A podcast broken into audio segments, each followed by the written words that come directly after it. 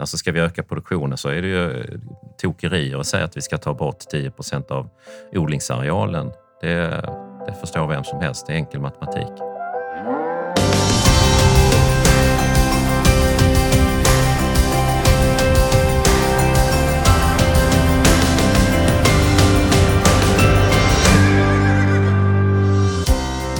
I EUs gröna giv får jordbruket en nyckelroll eftersom medlemsländerna ska nå klimatneutralitet år 2050.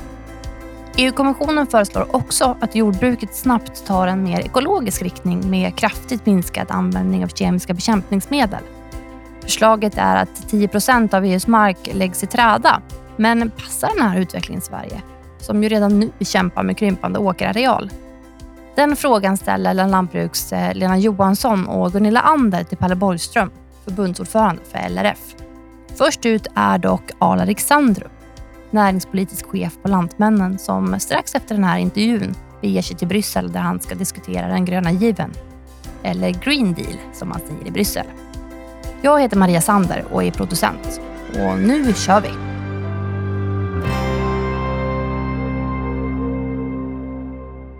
Den gröna given på svenska, the green deal på engelska, det är alltså ett eh, väldigt, väldigt omfattande paket av eh, en översyn av olika eh, direktiv, annan lagstiftning, olika strategier som handlar om i huvudsak klimatfrågor, att minska Europas klimatpåverkan, men även en massa andra olika miljörelaterade strategier och regelverk.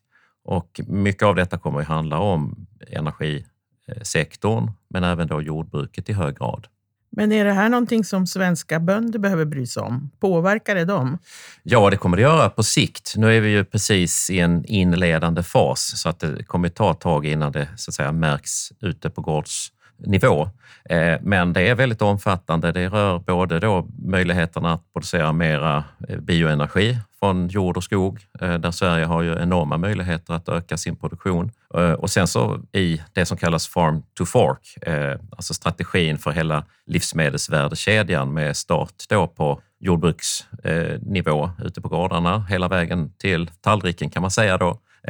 Och det är en rad olika frågor som rör både lönsamhet i jordbruket, miljöfrågor, landsbygdsutveckling, eh, säkra livsmedel och så vidare. Så att det kommer ha en stor betydelse eh, för jordbruket både i Sverige och i resten av Europa. Vilka tror du blir de största utmaningarna för det svenska jordbruket? Vi ser ju i de här läckta dokumenten och den informationen som har kommit ut så finns det då komponenter som säger att man ska an, minska användningen av växtskyddsmedel till exempel och av mineralgödsel, alltså växtnäring då till jordbruket. Eh, och det är klart, om man sätter upp sådana här mål att det ska minska med 30 eller 50 procent till 2030, det är några siffror som vi har sett, då är det ju lite svårare för ett land som Sverige som redan har kommit väldigt långt, kanske längst i hela EU på det här området och vi har liksom redan plockat de lägst hängande frukterna sedan faktiskt flera decennier. Så att varje procentenhet som nu ska bort, så att säga, jämfört med kanske de länderna som använder betydligt mer, kommer ju kosta det svenska jordbruket mycket mer. Och därmed kommer vi så att säga tampa konkurrenskraft om detta skulle införas på ett felaktigt sätt. Men det, är ett område där vi måste jobba eh, mot då Brysselinstitutionerna och försöka få rätsida på det här så att vi inte får en bestraffning av de länderna och de lantbrukarna som faktiskt har gått före i det här arbetet. EUs klimatkommissionär, han heter Frans Timmermans, eh, socialist från Nederländerna. Och han, eh, han är ju en av de huvudansvariga för den gröna given. Och han har skickat en väldigt tydlig signal till jordbruket att nu handlar det om att drastiskt minska användningen av kemisk bekämpning och konstgödsel. Jag tänker så här, eh, den gröna given handlar ju mycket om, om klimatet, alltså att EU ska vara klimatneutralt till 2050. Varför är då eh, handelsgödsel eh, och eh, bekämpning så viktigt?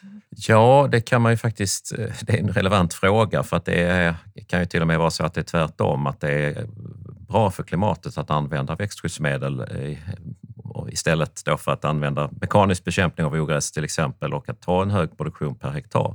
Men jag tror att man tar den här chansen att i bredare så att säga, fånga en rad olika hållbarhetsfrågor. Vi har ju också en, till exempel en skogsstrategi och en biodiversitetsstrategi som är, eh, kommer komma upp här som kanske inte har just den där superdirekta kopplingen till klimatfrågorna.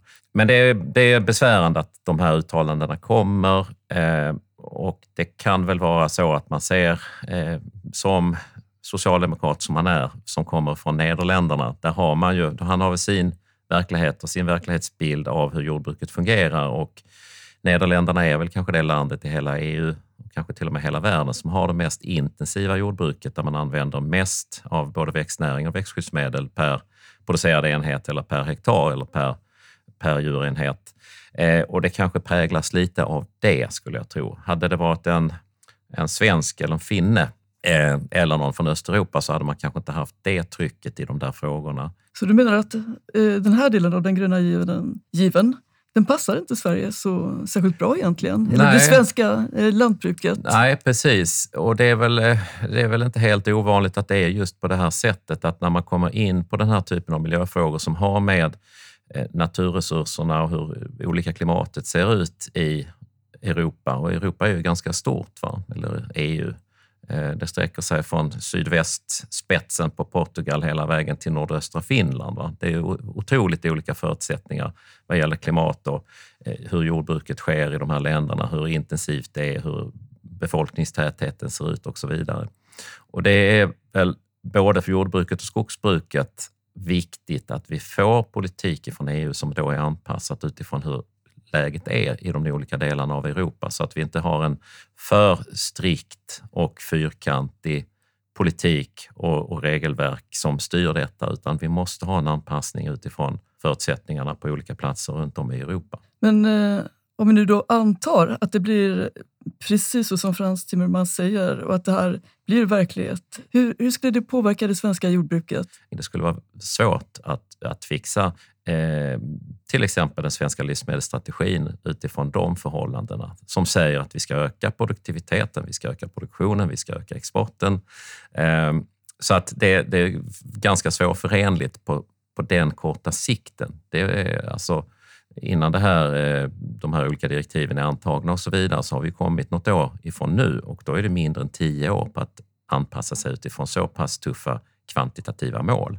Och det, ja, det gäller både växtnäring och växtskydd och vi vet ju, skulle vi få en kraftig nedskärning av växtskyddet, framförallt herbiciderna och ogräsmedel, så är ju de alternativen som finns ganska begränsade och ett, det kanske mest aktuella och relevanta exempel, eller alternativet, det är ju att köra mekaniskt mot ogräsen. Eh, och det innebär då ökad avgång av växthusgaser från marken och ökad användning av drivmedel som ger utsläpp av koldioxid. Eh, det är ganska enkla och välkända samband som man så att säga, det behöver man inte diskutera i någon högre grad, utan de flesta som kan det här vet att det är på det viset. Va? Sen på längre sikt än 2030 så kanske det finns möjligheter då att driva det i den här riktningen. En annan siffra som har läckt ut ifrån Bryssel det är ju att man kommer att föreslå en 10% i träda. Mm. Varför gör man det? Ja, det kan man undra. Eh, det är klart, kommer tillbaka till det jag sa förut kanske då att i vissa delar av Europa, framförallt eh, i de västra delarna, så har man då väldigt intensiv jordbruksproduktion och varenda kvadratmeter som kan odlas, den odlas och den odlas väldigt intensivt. Delar av Frankrike, Tyskland, Belgien, Nederländerna. Eh, och där kanske det är på sin plats av olika skäl, biologisk mångfald och annat, att försöka dra ner på det här arealutnyttjandet då, så att man får lite annat än, än eh, bara åkermarker. Men i ett land som Sverige, eller Finland eller Baltikum, hela Centraleuropa, så är det ju eh, stollerier skulle jag säga. Att tvinga fram att man inte ska producera och jag tycker också utifrån de behoven som finns. Vi ser att efterfrågan på mat i världen kommer att öka drastiskt, kanske fördubblas inom, eller öka med 50 procent till 2050. Vi ser också den här mycket märkliga paradoxen. Jag jobbar ju mycket med biodrivmedel och där har ju då kommissionen, samma kommission som Frans eh, eh, Timmermans nu är vicepresident för, säger då att vi kan inte producera biodrivmedel med grödor för att det finns en brist på mark och på grödor. Och samtidigt så säger man då att vi ska ha en träda av någon anledning. Va? Det, är en, det är en mycket märklig paradox här. Att eh, vissa delar av kommissionen säger en sak, en annan säger något annat. Eh, och det här hänger inte ihop. Eh, jag tror samma sak här. Här behöver man ha en anpassning utifrån situationen hur, som den ser ut i olika länder. Sverige behöver inte ha mer träd. Vårt största bekymmer är att vi odlar mindre varje år.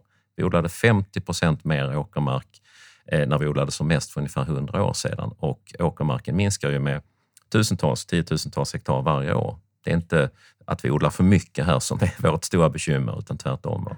Och det är väl också ett eh, förslag som går stick i stäv med den svenska livsmedelsstrategin?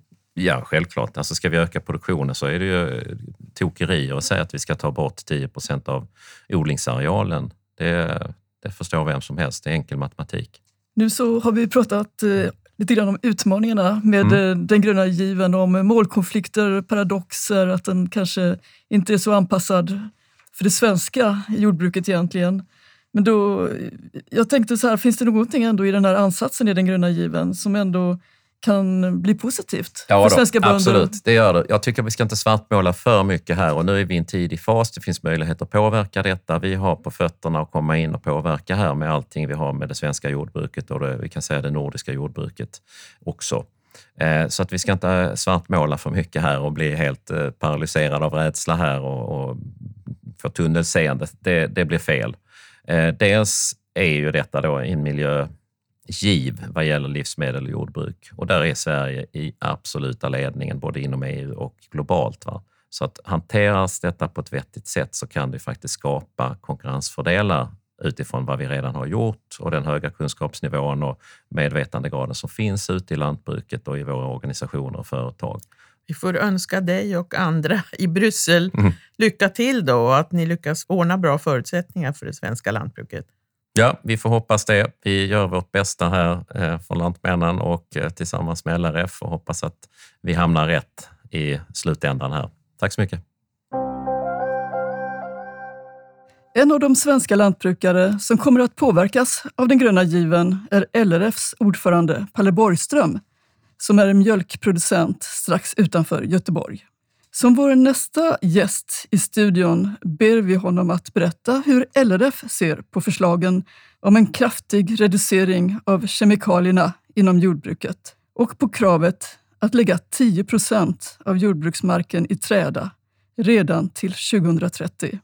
Palle Borgström har alldeles nyss varit i Bryssel och av samma skäl som Lantmännens Arla Alexandrup för att höra klimatkommissionären Frans Timmermans berätta om den gröna given. Han har också låtit Timmermans veta vad LRF tänker om den gröna given så här långt. Det vi har sett hittills är ju att, man, eh, att det läcker ett antal förslag eh, och mycket av dem handlar om begränsningar av olika former. Man ska begränsa användningen av växtskyddsmedel och begränsa användningen av handelsgödsel. Man ska finns ett förslag om att man ska avsätta 10 procent av arealen till någon form av åtgärder som gynnar biologisk mångfald och det finns förslag om att man ska öka eh, andelen ekologisk eh, produktion ganska markant också. Eh, jag sa bland annat till honom att det vi ser nu, har sett av förslag hittills, då, är ju, handlar mycket om att begränsa det man tycker är utmaningar eller negativa effekter. Och, och, när man bara fokuserar på den delen så får man en väldigt negativ debatt också. Det blir liksom bara att försöka backa in i framtiden. Green Deal måste också innehålla ett antal offensiva förslag på hur man kan öka produktionen av både biomassa från jordbruket men inte minst skogsbruket som också är en stor diskussion och givetvis en stor del av lösningen på klimatutmaningen. Frans Timmermans han är ju själv faktiskt nederländare. Vad, vad säger du om det? Det är ganska tydligt att det perspektivet han har, det kommer mycket från hans hemland med, med ett intensivt jordbruk och de utmaningar de har med med en del eh, läckage av näringsämnen till omvärlden. Och så. Eh, vi har faktiskt bjudit in både honom och, och jordbrukskommissionären Wojciechowski till Sverige för, så att vi kan visa på det sätt som vi brukar både jord och skog i Sverige att vi har ett hållbart sätt att göra det. Men också att vi har tagit ett antal initiativ själva från branschen vad det gäller till exempel Greppa näringen och säkert växtskydd som går ut på, på ett ansvarsfull användning av både näringsämnen och växtskyddsmedel. Och sådana initiativ eh, är inte lika vanliga i resten av Europa utan där har man mera gjort ganska lite och nu står man inför ganska långtgående lagstiftning istället. Så ni är tidigt ute och lobbar emot eh, sådana förslag då som kanske inte passar här?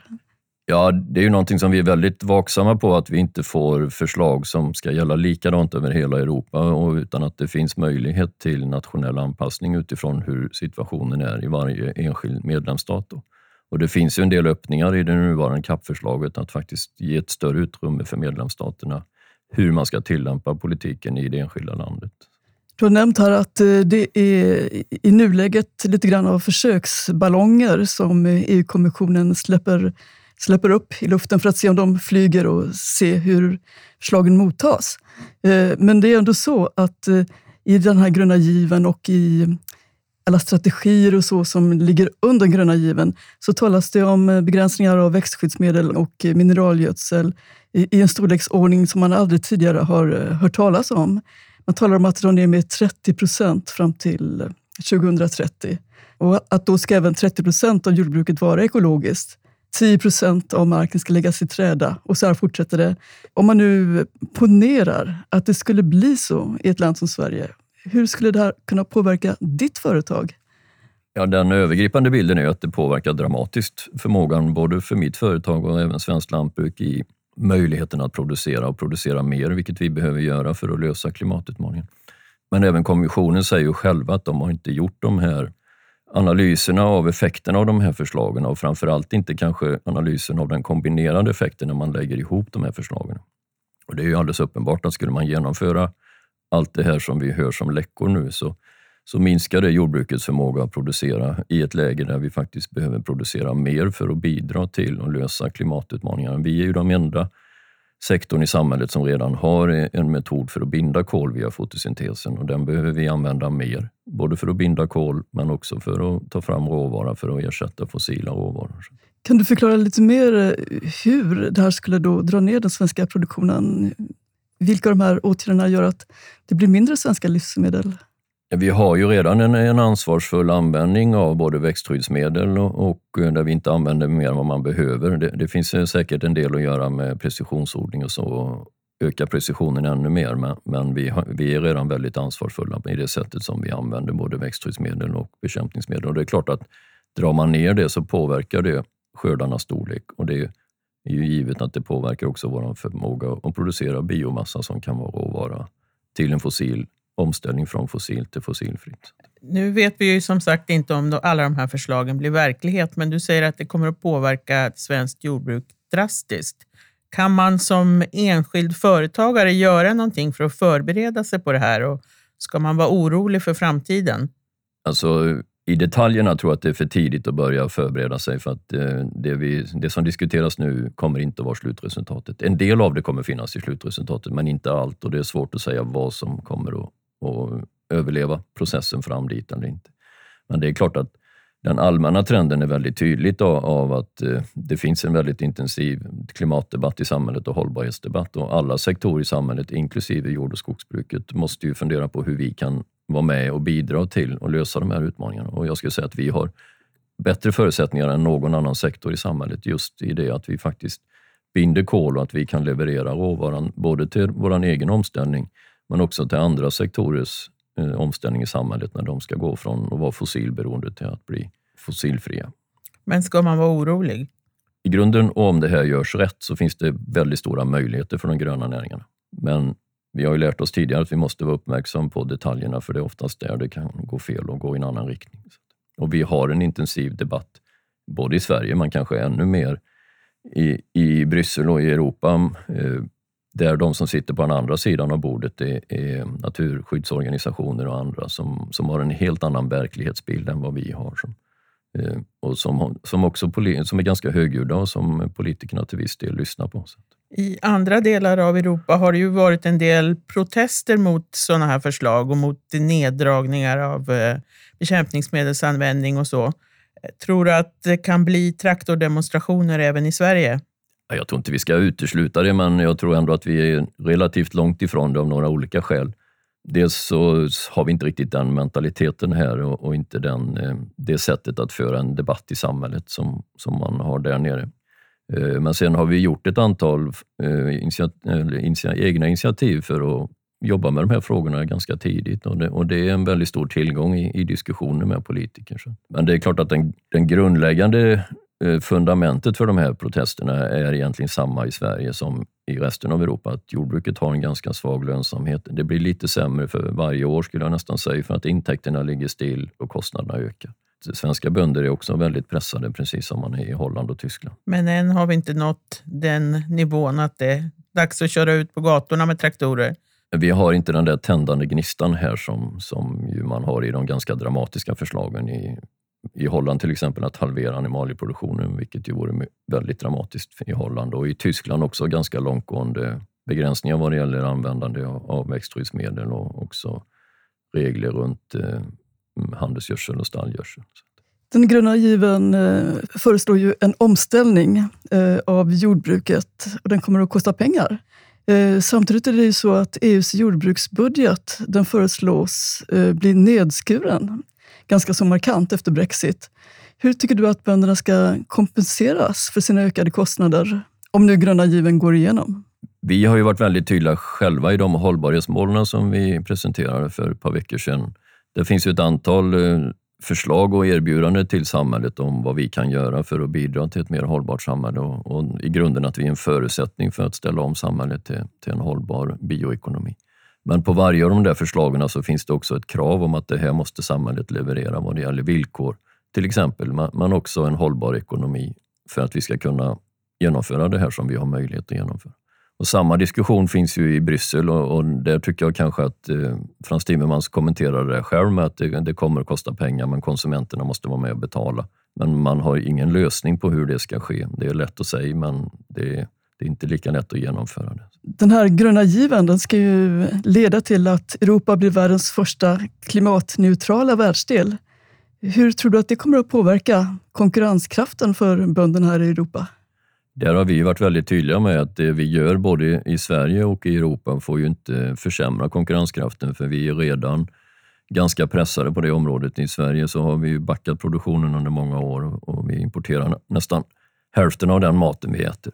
Och skulle man genomföra alla de här förslagen i Europa så blir sannolikt Europa en nettoimportör av livsmedel det blir ganska dubbla signaler från kommissionen och från Bryssel när man pratar om det här med högre krav på jordbruket eh, eh, samtidigt som man via handelsavtal öppnar upp från, via Mercosuravtalet med Sydamerika till exempel med import av billiga produkter som är producerat på ett helt annat sätt och med andra standarder än vad vi är tillåtna att göra här. Det blir väldigt dubbla signaler från politik. Det, det förstår ju även Frans Timmermans, att det låter dubbelt och därför har han ju lanserat tanken på någon slags klimatskattar vid Europas gräns. Hur låter det i dina öron? Verkar det troligt att en sån kan gå igenom? Jag, jag, tror att det där är väldigt svårt att få acceptans för det i, i, de, i det ganska turbulenta handelspolitiska läget vi har mellan de stora aktörerna i världen, Kina, och Europa och USA. Och Det ska också i så fall, vad jag förstår, godkännas av WTO, vilket heller inte är speciellt sannolikt. Det är ju som sagt eh, tidigt i eh, arbetet med den gröna given. Men det låter som att det kommer bli många resor till Bryssel här inom den närmaste tiden. Ja, vi är ju precis i början på, på ett jobb som vi bevakar väldigt intensivt, både från LRF i Sverige men från vår europeiska bondeorganisation som vi är medlemmar i, Copa Corsec. Så att eh, det här kommer vara ett väldigt intensivt jobb det, under flera år framåt, men framförallt den, de närmsta månaderna. Jag tror att vi tackar där och önskar lycka till i Bryssel. Tack, det kan behövas. Du har lyssnat på Lantbrukspodden som görs av Land Lantbruks redaktion och som är en del av LRF Media. Reportrar här var Lena Johansson, politisk chefredaktör och Gunilla Ander, politikreporter. De intervjuade Palle Borgström och Ala Standrup. Har du synpunkter eller förslag på framtida gäster, kanske ämnen värda att ta upp? Hör av dig till oss på Lantbrukspodden snabel landlantbruk.se. Vi hörs!